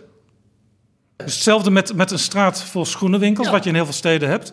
Die, die kijken allemaal van elkaar elke dag wat ze in de etalage hebben staan. En als die ene schoen in die etalage staat, dan zetten wij hem ook maar Vindt de daar. klant ook prettig. En dat is ook gebeurd met politieke partijen. Zo logisch is het. En die, en die ontwikkeling naar marketeer beïnvloedt natuurlijk hoe mensen uit die partijen als Kamerlid, als bewindspersoon en in andere rollen zich gaan gedragen. Ja, dus ze onderscheiden zich niet meer majeur pro- programmatisch. Dus waar wel? In beeldvorming en persoon. Wat moeten we doen met onze parlementaire democratie? Nou ja, mijn, mijn betoog over die, over die eh, achteruitgang van de kwaliteit van representatie. Hè, laat ik volgen door een waarneming van een nieuwe opkomst van participatieve democratie. Hè, Participatieve democratie. ja, waarbij burgers met elkaar dingen doen. Met elkaar dingen doen. Ja, een energiecoöperatie oprichten of een school of wat. En elke, de zin daarna zeg ik dan, ik heb heel slecht onderwijs gehad over de 19e eeuw. Want de 19e eeuw was natuurlijk in Nederland dé eeuw van de participatieve democratie. De Tocqueville had niet naar Amerika moeten gaan, maar naar Nederland. Dus we kunnen veel ook leren van ons eigen verleden. Ja, En soms ook gewoon dingen- de- dingen terug laten komen. De la démocratie en Hollande. Ja. Zo had het boek kunnen heten. Nee, maar het is echt waar. De dingen die hij beschrijft over Amerika lijken als twee druppels water over de maatschappij tot nut van het algemeen. Over de creatie van scholen en zo. Maar u zegt dus eigenlijk het, op, het, In Nederland. op het middenniveau. Dus Zelfs de blauwe knoop in Amerika, waar hij als Fransman en als jonge aristocraat toch wel een beetje om moest lachen. Maar wat hij bewonderde, omdat heel veel vrouwen daar allerlei zeg maar, soort Ja. carrières kregen, die had je natuurlijk in Nederland ook. Ja. De, de vereniging van de voor drankbestrijding en zulke dingen. Nou, u zegt dus eigenlijk, eh, burgers kunnen zelf heel veel eh, onderling organiseren. En dat hoeft helemaal niet op een verzuilde manier zoals het eh, een tijd lang geweest is. Eh, dus de overheid hoeft ook niet alles te doen. Dat kunnen burgers zelf ook. Ja. ja, en dan zijn ze in veel opzichten legitiemer dan een ambtenaar op een kantoor die namens de representatieve democratie spreekt. Ja. U, u heeft ook vaak gepleit voor meer directe democratie. Ja, maar dat moeten, daar zijn wel misverstanden over. Ik ben absoluut tegen referenda. Want ik vind een referendum een debiliserend arrangement. Omdat het alleen maar ja of nee is. Als ik aan u vraag of u voor of tegen een boek van 300 bladzijden bent, dat is toch een debiliserende vraag.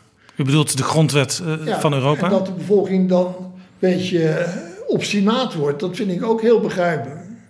Maar dan moet je het antwoord dus niet serieus nemen. Het, het, de ergernis over de aard van de vraagstelling domineert. het. Maar wat, wat bedoelt u dan met directe democratie? Nou, een aantal dingen. Dat je samen met overheden werkt aan goede publieke besluiten. Ja, het, eh, interactief beleidsontwikkeling heet dat met een moeilijk woord. Je haalt experts en anderen erbij en die zeggen, jongens, hoe zouden jullie het Dat doen enzovoort. geabsoluteerd in mijn concept van transdisciplinariteit. Maar ook allerlei zelfbesturing. Ik bedoel daarmee, eh, om het even scherp te maken, dat wij de wetenschap hebben georganiseerd in disciplines. Dat disciplines een aspect van de wereld bestuderen, niet de wereld. Misschien met uitzondering van de filosofie, maar wel een aspect van de wereld, dat ze dus ook alleen maar uitspraken doen over een aspect van de wereld. En Dat is de aard van de waarheidspretentie van de disciplinaire wetenschappen. Terwijl elk maatschappelijk probleem gaat over de wereld en niet over een aspect van de wereld. Dus als jij een handelingsperspectief wil ontwikkelen om in de wereld te handelen, zul je die disciplinaire gezichtspunten op de een of andere manier bijeen moeten brengen. En niet alleen door het woord interdisciplinair daarop te plakken en dan uitlatingen naast elkaar te plaatsen, maar door die mensen die die disciplinaire uitspraken gedaan hebben uit te nodigen om te participeren in een proces waarbij ook de politici en beleidsmakers deelnemen, om met elkaar te werken aan dat handelingsperspectief. Dus een integrale benadering. Ja, maar dus procesmatig heel ingewikkeld. Hè? Want iedereen voelt, voelt zich daar niet op zijn gemak. De wetenschapper voelt zich niet op zijn gemak omdat hij buiten de muren van zijn eigen discipline moet opereren. En zo, zich moet bezighouden met vragen waar hij eigenlijk liever niet mee bezig is. Het levert dus ook veel jeuk op. Ja, levert veel jeuk op. En de beleidsvoerder politicus voelt zich ook niet op zijn gemak. Want die wordt gevraagd om te expliciteren waarom die politieke wil eigenlijk eruit ziet zoals die eruit ziet. Ja. En dan mag, ze mogen beide hun gezichtspunten handhaven. Maar ze moeten zich wel committeren aan de inspanning om samen te komen tot een voorstel voor verstandig handelen van de samenleving.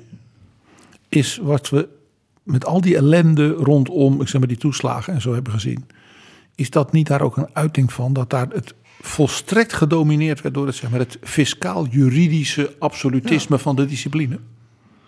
En er bijvoorbeeld niet eens een gedragswetenschapper of mensen die iets begrepen van de multiculturele samenleving met al die gezinnen en hoe werkt überhaupt een kinderopvang, want daar was ook geen idee van.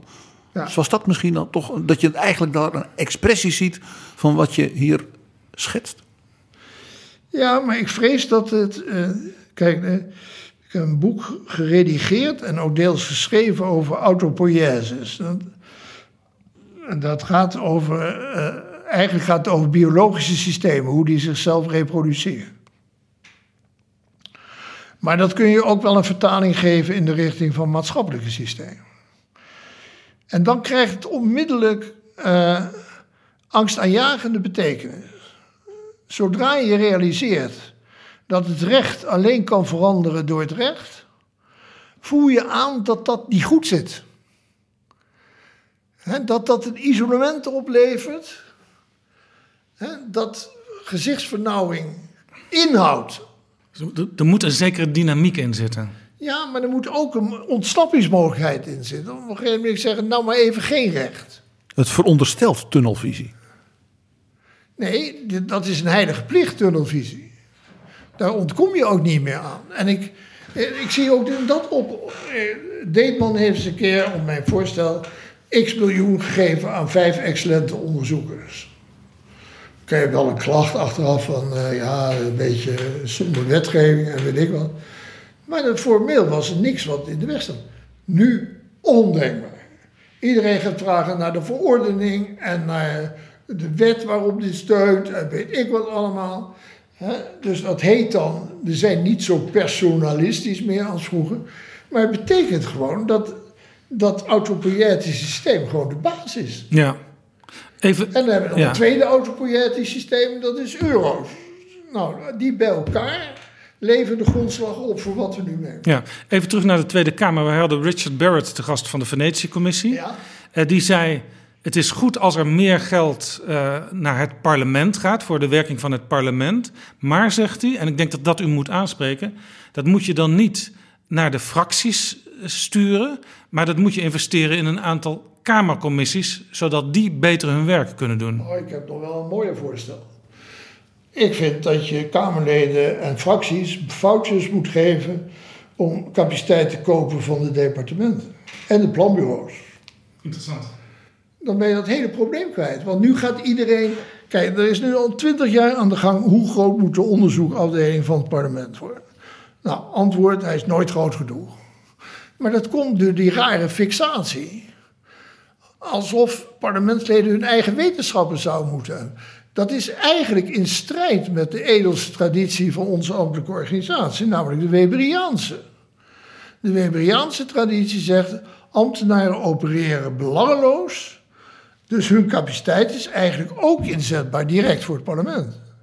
Zou enorm mijn voorkeur hebben. Ja. Dan kan je wel gesteggel over hoeveel foutjes dan en weet ik wat Ja, allemaal. dit is wel een hele radicale verandering, eh, eigenlijk wel een hele radicale omdraaiing eh, van de Oekase kok. Ja, Juist gebruik maken Ja. van ambtelijke expertise. ja. Nodig En ze maar uit. Nodig ze maar uit om een bepaald voorstel wat, het, wat de parlementsgroep parlementariërs heeft, om dat eens uit te werken. Ja, en dan krijg je natuurlijk klachten van ministers dat ze hun eigen ambtenaren niet meer tot hun beschikking hebben. Allemaal grenswerk, dat kunnen we oplossen. Maar ik vind dat een goede constructie. En ik vind ook een goede constructie dat in Scandinavië parlementsleden participeren in commissies voor beleidsontwikkeling. Ja. U, u, heeft, u bent ook hoogleraar geweest, daar had ik het Ja. in de introductie over. Eh, heeft u het idee dat de Tweede Kamer voldoende gebruik maakt van wetenschappelijke inzichten? antwoord ligt natuurlijk voor de hand nee. Maar dat, eh, kijk, ik vind dat de wetenschap veel meer dan nu de plicht heeft om zijn inzichten zo te formuleren dat anderen dan geleerden er gebruik van kunnen maken. Want eh, dat doen ze nu niet, voldoende? Nou ja, ik eh, volg nog de promotiereeksen van een paar universiteiten. Dat kunt u opvragen. Gewoon een record van twee jaar. Hè, zo. Utrecht heeft geloof ik 400 of zo, 500 promoties per jaar. Moet je kijken waar die over gaan. En de vorm waarin ze gegoten worden. Het is heel populair om te, eh, te promoveren in artikelen. Ben je helemaal eh, niet meer bezig met een algemene inleiding en een algemeen betoog. Eh, en dat betekent dat die dingen totaal niet overdraagbaar zijn. Je moet superdeskundige zijn om ze te kunnen lezen. Dus daar moet iets tussen. Ja? Nou, dat kunnen zijn planbureaus, dat kunnen ook zijn. We hebben in Nederland een heel stelsel gehad van grensraden, waarvan ik er één heb voorgezeten. Tussen kennis en beleid. Die zijn door het kabinet geslacht aan het eind van de, de eerste decennium van, de, van deze eeuw. Want dat kon het departement zelf, zelf wel. Nou, dat kunnen ze dus niet. Punt. En dan zie je dat er nu hele grote clusters zijn, zoals Deltares, een prachtig onderzoekinstituut op het gebied van water. Dat heel los staat van alles. Nou, dat probeert heel veel categorieën klanten te bedienen. Prachtig, net zoals die planbureaus. U zegt dus eigenlijk, die zouden de Tweede Kamer ook voortdurend kunnen bedienen rondom Glasgow en de vragen van wat Nederland als waterkennisland kan doen voor de Ja, klimaatvraag. Maar misschien moet je die Kamerleden dan daarom de, de metafoor van de voucher. Gewoon koopkracht om capaciteit te kopen. Voor je eigen vraag. Ik heb ook altijd, dat kunt u in eerdere publicaties wel terugvinden, ervoor gepleit dat de oppositie recht heeft op zijn eigen onderzoek. Nou, kom er eens om, zou ik zeggen. Ja, er wordt nu pas echt een onderzoek ingesteld als een meerderheid van de Kamer daarvoor Ja, is is. krankzinnig. Dat is geen democratie. Ik heb het, voorstel, het voor- voorbeeld wel vaker genoemd. De Congressional Budget Office in de Verenigde Staten werkt dus voor het ontwerpen van budgettaire, eventueel alternatieve studies, analyses. En als een lid van het congres, Ja. maakt niet uit of hij de president nou wel aardig vindt of minder aardig vindt. eh, zegt van, wil dat eens voor mij uitrekenen? Wat betekent dat voor mijn staat eh, North Dakota? Eh, dan gebeurt dat. Ja. En dat leidt ook vaak dan weer tot vergelijkingen van een aantal verschillende casussen, ja, zoals u dat ook doet, met dan, hey, Senaat of hey, eh, commissie eh, eh, arbeidsmarkt van, de, van het congres, misschien zouden we hier eens goed naar moeten kijken. Ja. Is dat niet een me- mechanisme dat wij dan ook zouden moeten dat doen? is eigenlijk hetzelfde als ik voorstel.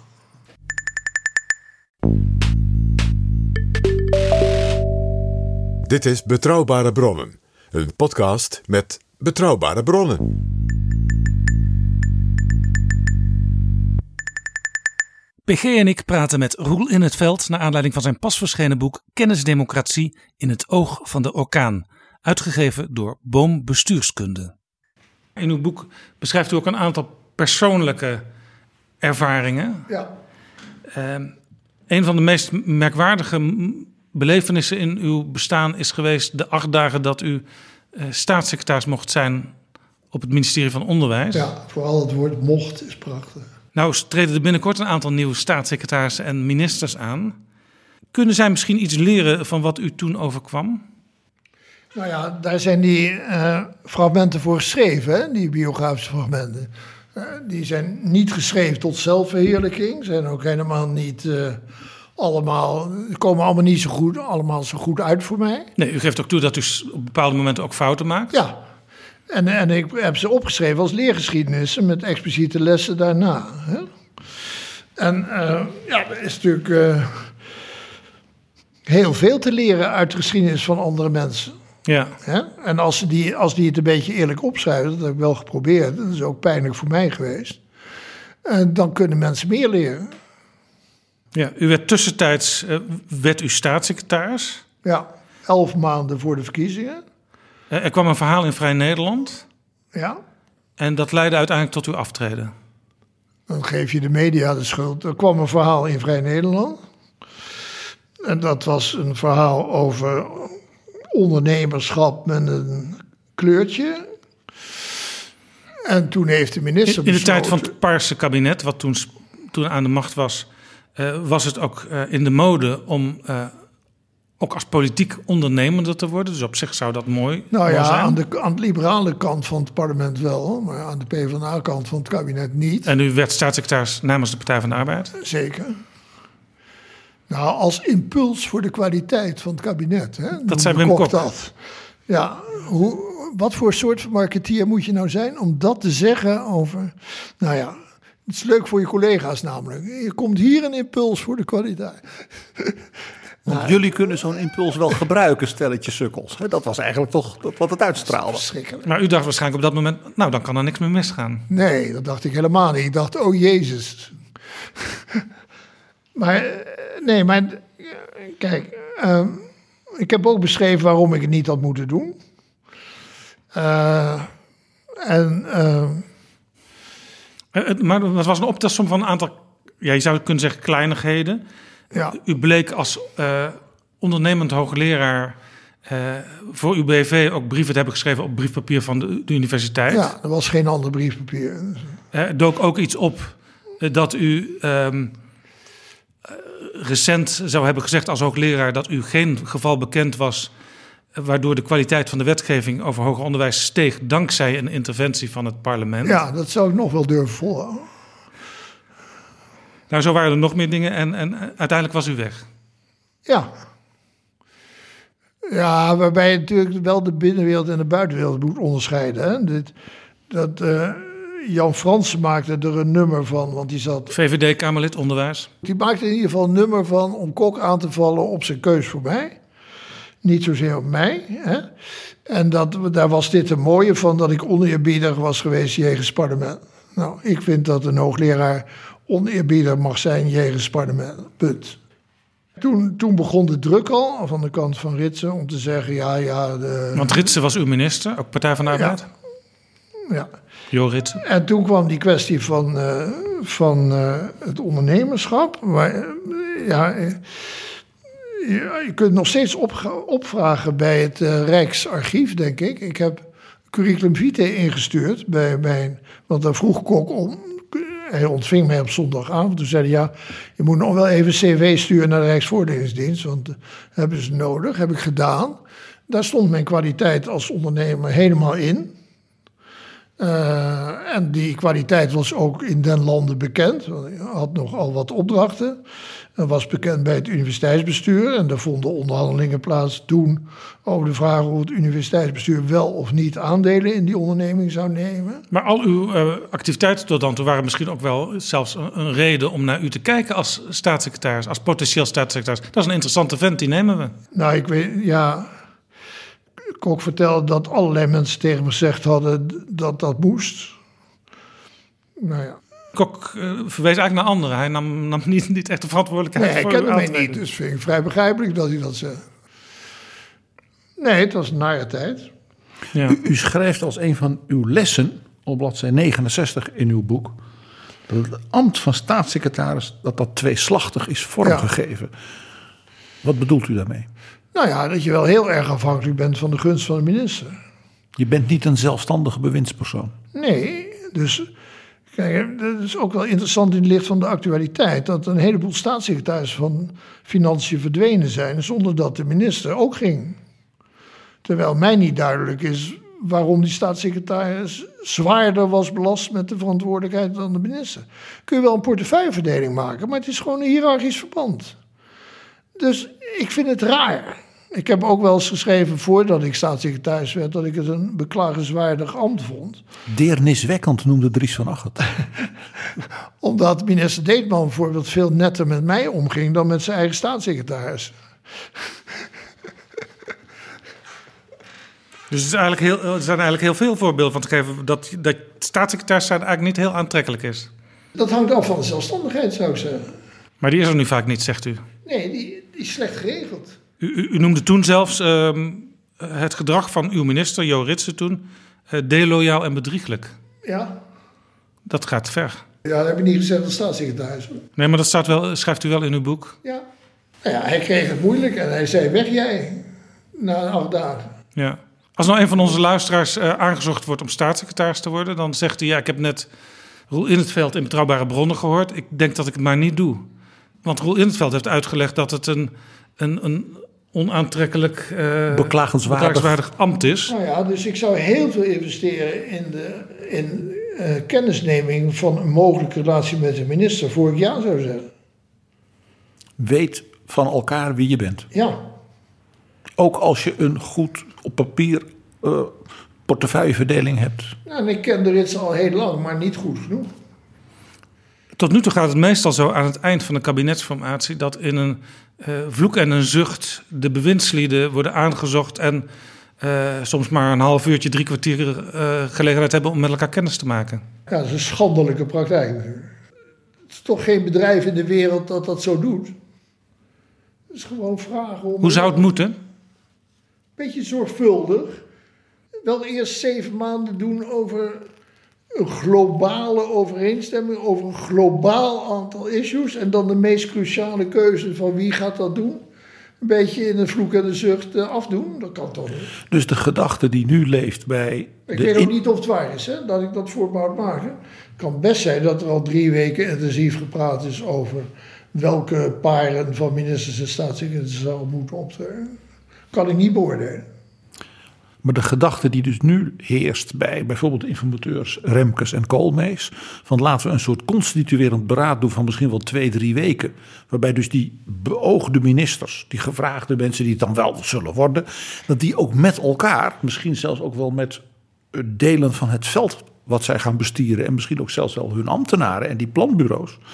Dat die praten en ook met elkaar zeggen van als bij jou dat probleem leeft en we, moes- en we zullen dat misschien wel met twee, drie ministeries moeten oplossen. Hoe gaan we dat dan doen? Dat is dus iets wat u wel aanspreekt. Ja, dat vind ik in ieder geval een aanzienlijke verbetering ten opzichte van het verleden. En dan kan ook dus die vertrouwenskwestie tussen zo'n minister Ja, en zo'n staatssecretaris is komen. Of die op de goede manier tot uitdrukking komt als je daar meteen weer een collectief van maakt. Want het is ook heel persoonlijk, hè? Je hebt maar één minister. Dus u zegt doe ook gewoon één op één in zo'n Ook- proces. Ja, niet in plaats daarvan, want ik vind het een heel goed voorstel. Maar eh, ja, gewoon investeren in de mogelijkheden van een vruchtbare relatie. En dat, dat kun je best weten na een tijdje. Ja. En op zich, op zich eh, zal het u ook aanspreken dat het coalitieakkoord, zoals men het nu denkt dat het wordt, eh, een aantal grote lijnen uitzet en een paar details, omdat dat nu eenmaal moet, maar dat de rest kan worden ingevuld door de nieuwe bewindslieden. Ik weet niet of jullie de praktijk in internationale organisaties goed kennen. Maar daar is dus een kunst gemaakt van het eh, construeren van overeenstemming op hoofdlijnen. Met als gevolg dat er werkelijk helemaal niets meer in die teksten staat. Dus je kunt er van alles mee. En als dat het regeerakkoord, de aard van het regeerakkoord zou zijn, dan vrees ik dat in de huidige politieke constellatie de eis van enige duurzaamheid daar niet aan verbonden kan worden. Omdat er voortdurend gedoe ontstaat. Ja. Dus als het gaat, als, als ik de toonzetting van sommigen mag volgen, waar onze, waaronder onder wie onze ongeëvenaarde premier, dat er echt grote kordate beslissingen worden genomen aan het begin. Beslissingen, hè? dus niet, ja, we gaan met z'n allen op weg naar eh, een duurzame toekomst, maar beslissingen. En ook niet analyses, maar beslissingen.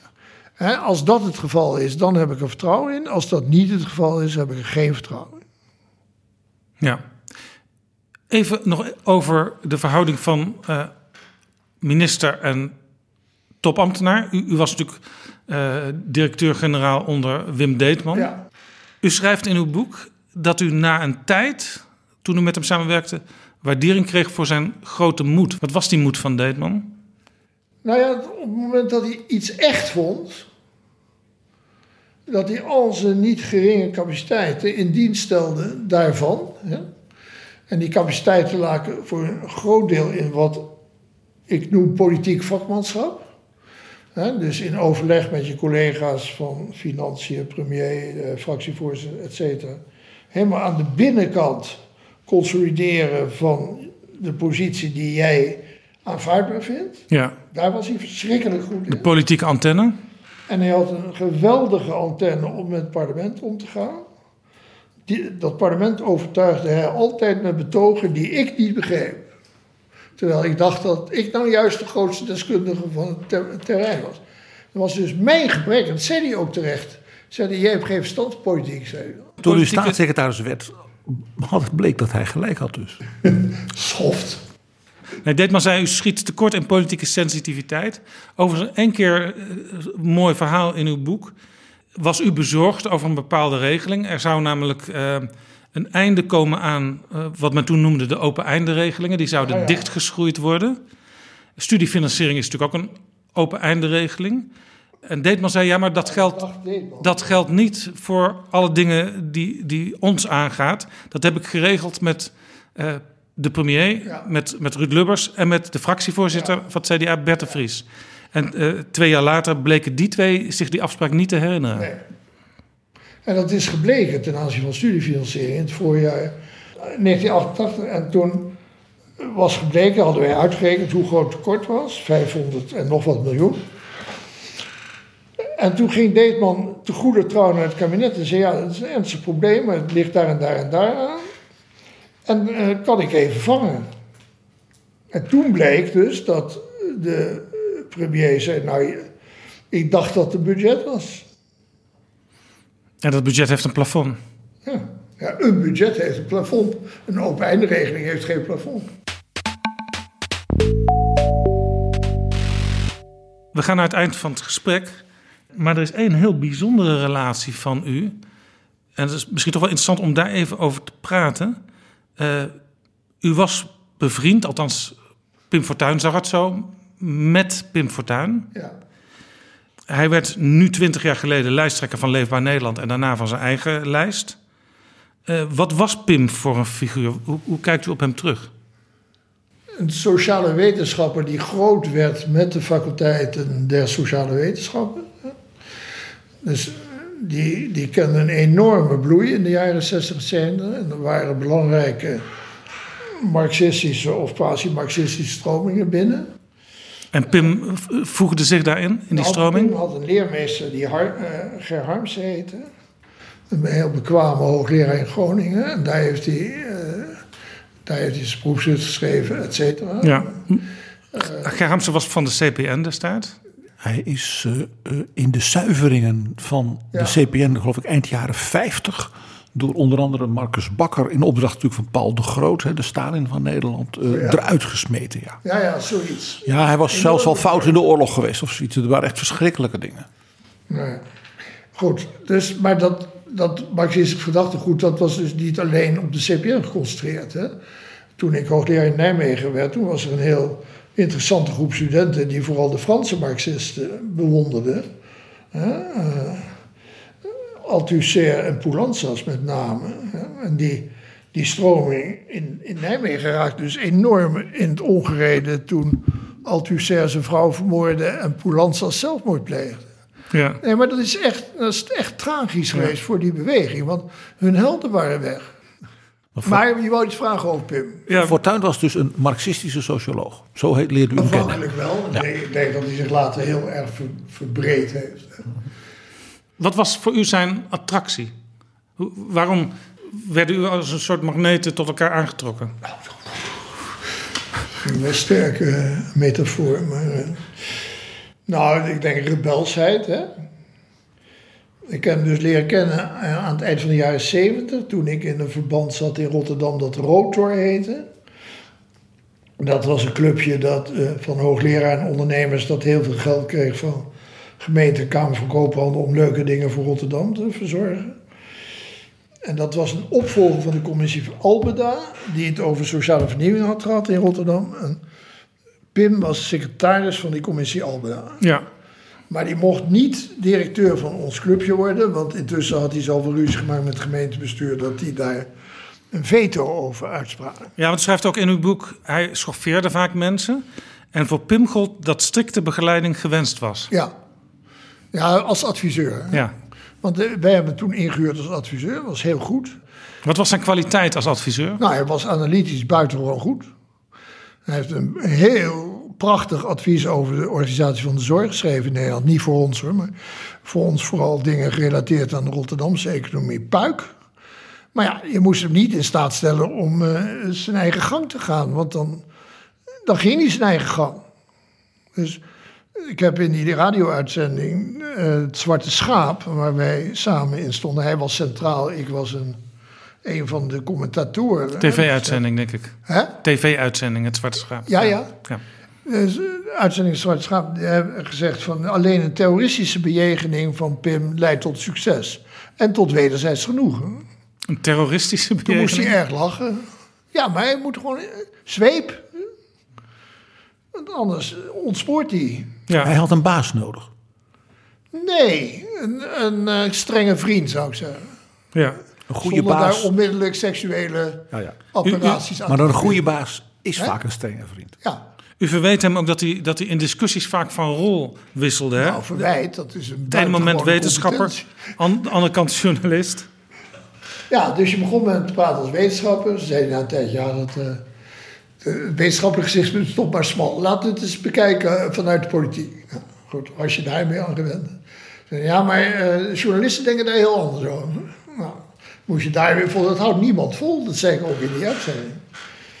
En toen zei de redactrice, wat vindt u daar nou van, meneer Fortuyn, dat die meneer in het veld dat allemaal zegt? Nou, zei hij, ja, ja, dan moet je wel van iemand houden. En ik hou wel een beetje van meneer het veld. Toen stond er overal onder vriend. Wat weer heel eigenaardige enzovoort. Ik, ik lees in uw boek, ik citeer... In de tweede helft van de jaren negentig ving Fortuyn aan zichzelf te beschrijven als toekomstige premier van Nederland. Zijn isolement was toen groot. Ja. De enige die hem toen de hand boven het hoofd hield, was de hoofdredacteur van Elsevier. H.J. Schoten. Ja. Eh, maar eh, bij sollicitaties werd hij niet eens meer ontvangen. Hij heeft gesolliciteerd als burgemeester van Haarlem, werd niet eens ontvangen. Ben ik schandelijk. En hij leefde van zijn columns en van de voerdrachten. Maar hij had zichzelf onmogelijk gemaakt, zou je kunnen zeggen. Nou, U schrijft zelf op Nederland kon niet tegen hem, zullen we het zo zeggen? U schrijft zelf in uw boek, hij had velen geschoffeerd. Ja, Dat is ook een, een soort, soort, soort, soort narcistisch, soort kijkmijens gedrag. Van hem? Ja, Nee, maar hij beschouwde het ook wel als zijn taak als columnist om erg... als columnist. Ja, maar daar, daar vond dat vooral plaats. Hij heeft vreselijke dingen gezegd over Peper en anderen en ook helemaal niet terecht allemaal. Maar men zei ook al in Groningen, waar Pim komt, komt ruzie. Ja, maar dat zijn Ja. die zure mensen om me heen die dat dan achteraf gaan construeren. Hij heeft ook fantastische dingen gedaan. Toen wij die OV-kaart hadden bedacht in ons team, heeft hij gezorgd dat die kon worden uitgegeven. Dat is een heel nauwkeurig karwei. En dat heeft hij met Marco Pastors en een paar anderen voortreffelijk geklaard. Heel gedisciplineerd. Dus het kon wel. Natuurlijk kon het wel. Weet je, Hoe verklaarde u dat hij ineens zoveel populariteit kreeg toen hij zich opwierp als lijsttrekker en daarmee, eh, zoals hij het zelf zei, ook als toekomstig premier? Ah, dat vind ik een extreem moeilijke vraag.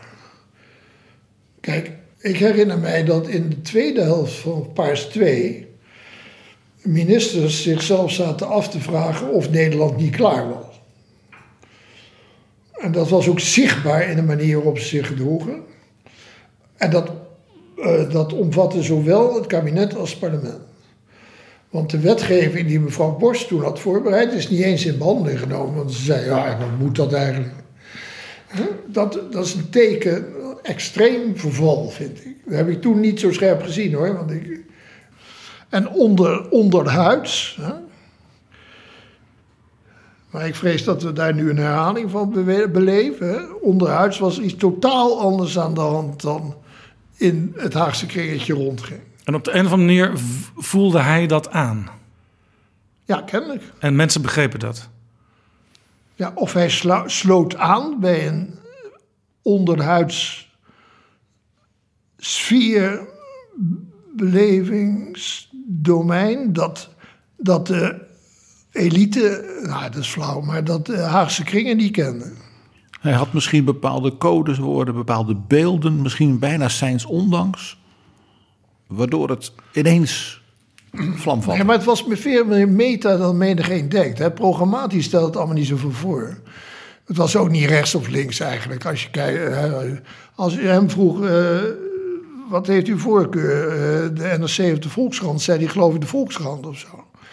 Dus het was heel gemengd, ook qua politieke oordelen en sentimenten. Maar wat hij aanvoelde was... eh, ik ga een hele andere methode. Ik sprak op het afscheid van Wim Meijer bij de Rabobank. Ja, Wim Meijer, ooit eh, fractievoorzitter van de Partij van de Arbeid in de Tweede Kamer. maar ook belangrijk bankier. En hij had mij uitgenodigd daar het woord te voeren. Dat was niet zo belangrijk. Belangrijk was dat twee jonge bankiers daar een prijs kregen. Die kregen een prijs voor voortreffelijk eh, functie uitoefenen, et cetera. En die vertelde toen bij de prijsuitreiking iets over zichzelf. En dat heeft mij diep geschokt. Want die zeiden, kijk, wij hebben ons leven zo geconstrueerd dat wij heel erg bezig zijn met ons werk en ons gezin. En met de omringende activiteiten zoals de sportclub. En daarboven kennen wij geen aanhankelijkheden. Terwijl mijn generatie is opgevoed met het idee dat als je. Je mocht best kritiek hebben, of zelfs vergaande kritiek hebben op macro-instituties. Maar als je ze ging ontkennen, dan was het einde nabij. Dat was het geloof in onze generatie. En die, dat heb ik toen op die gebeurtenis, bijna een openbaring zou je zeggen, heb ik dat ineens plots gezien. En daarna alsmaar weer gezien. En ik denk dat hij daarbij aansloot. Dat mensen dus eh, zich afsloten voor een aantal maatschappelijke ontwikkelingen en omstandigheden. Ja, en het taaltje dat daar gesproken wordt, heeft niks met ons te maken. Hè, Dat, dat idee vormgeven. En u zegt dat speelt nu weer, misschien speelt het zelfs wel ik. in he- verhevigde mate. Ja, dat denk ik. Dus wat we verslijten voor een bestuurlijke crisis, dat is veel meer dan een bestuurlijke crisis. Ik bedoel, en daar kun je wel weer die metafoor van die toeslagenaffaire voor gebruiken, maar het wordt ook een beetje plat, maar het is echt fundamenteel.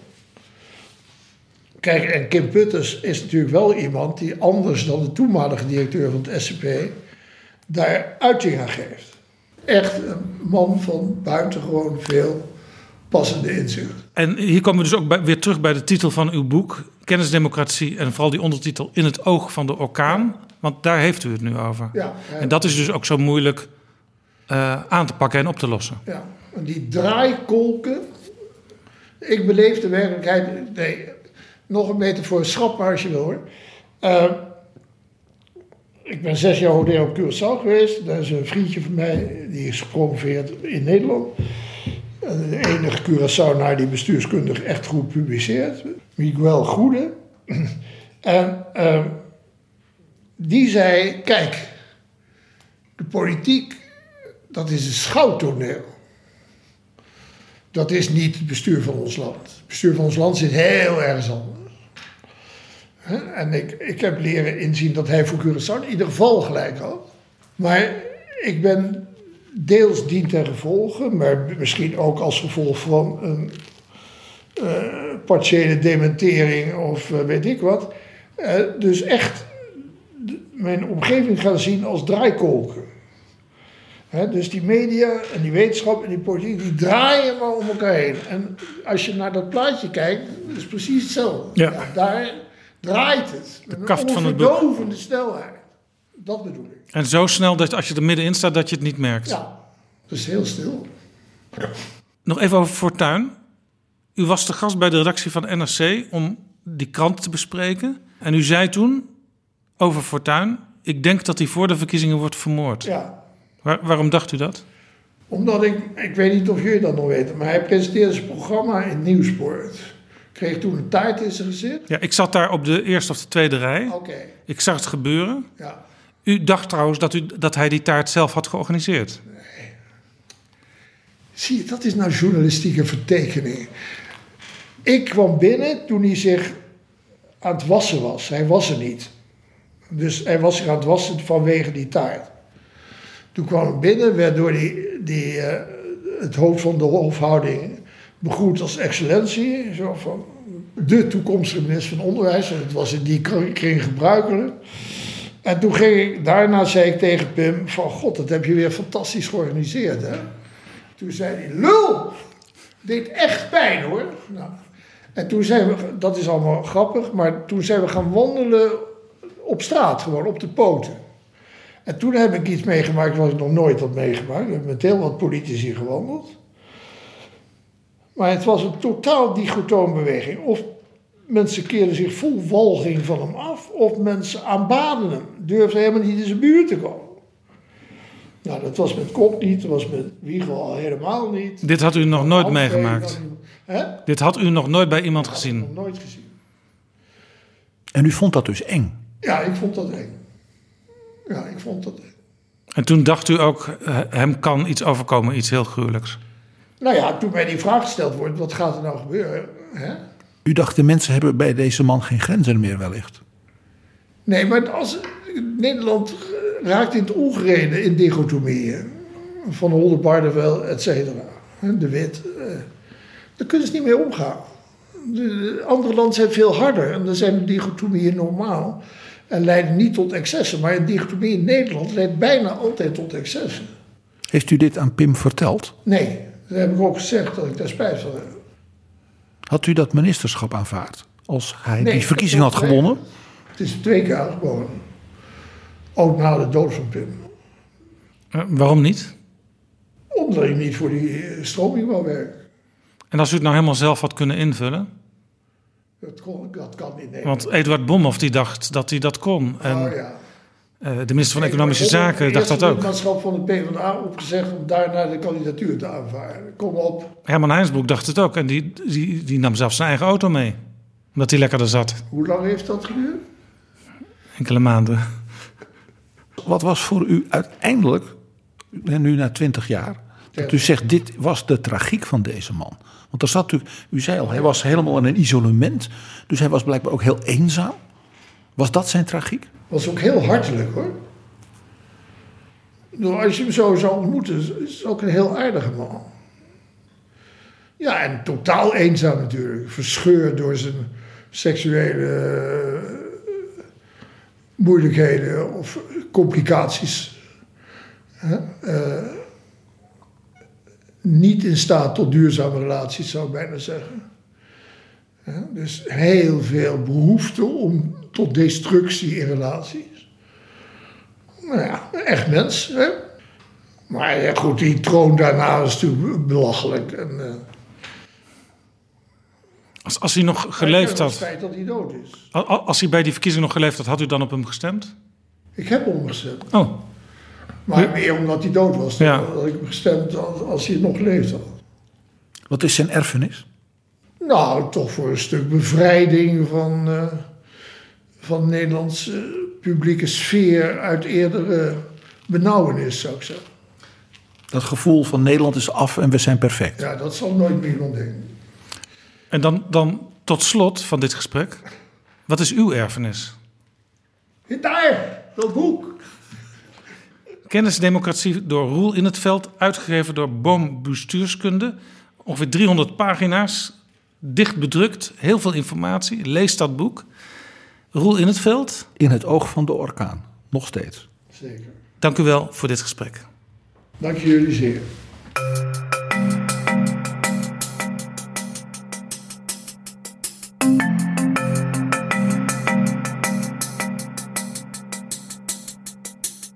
Zo, dit was Betrouwbare Bronnen aflevering 226. Deze aflevering is mede mogelijk gemaakt door de vrienden van de show die ons een donatie gaven.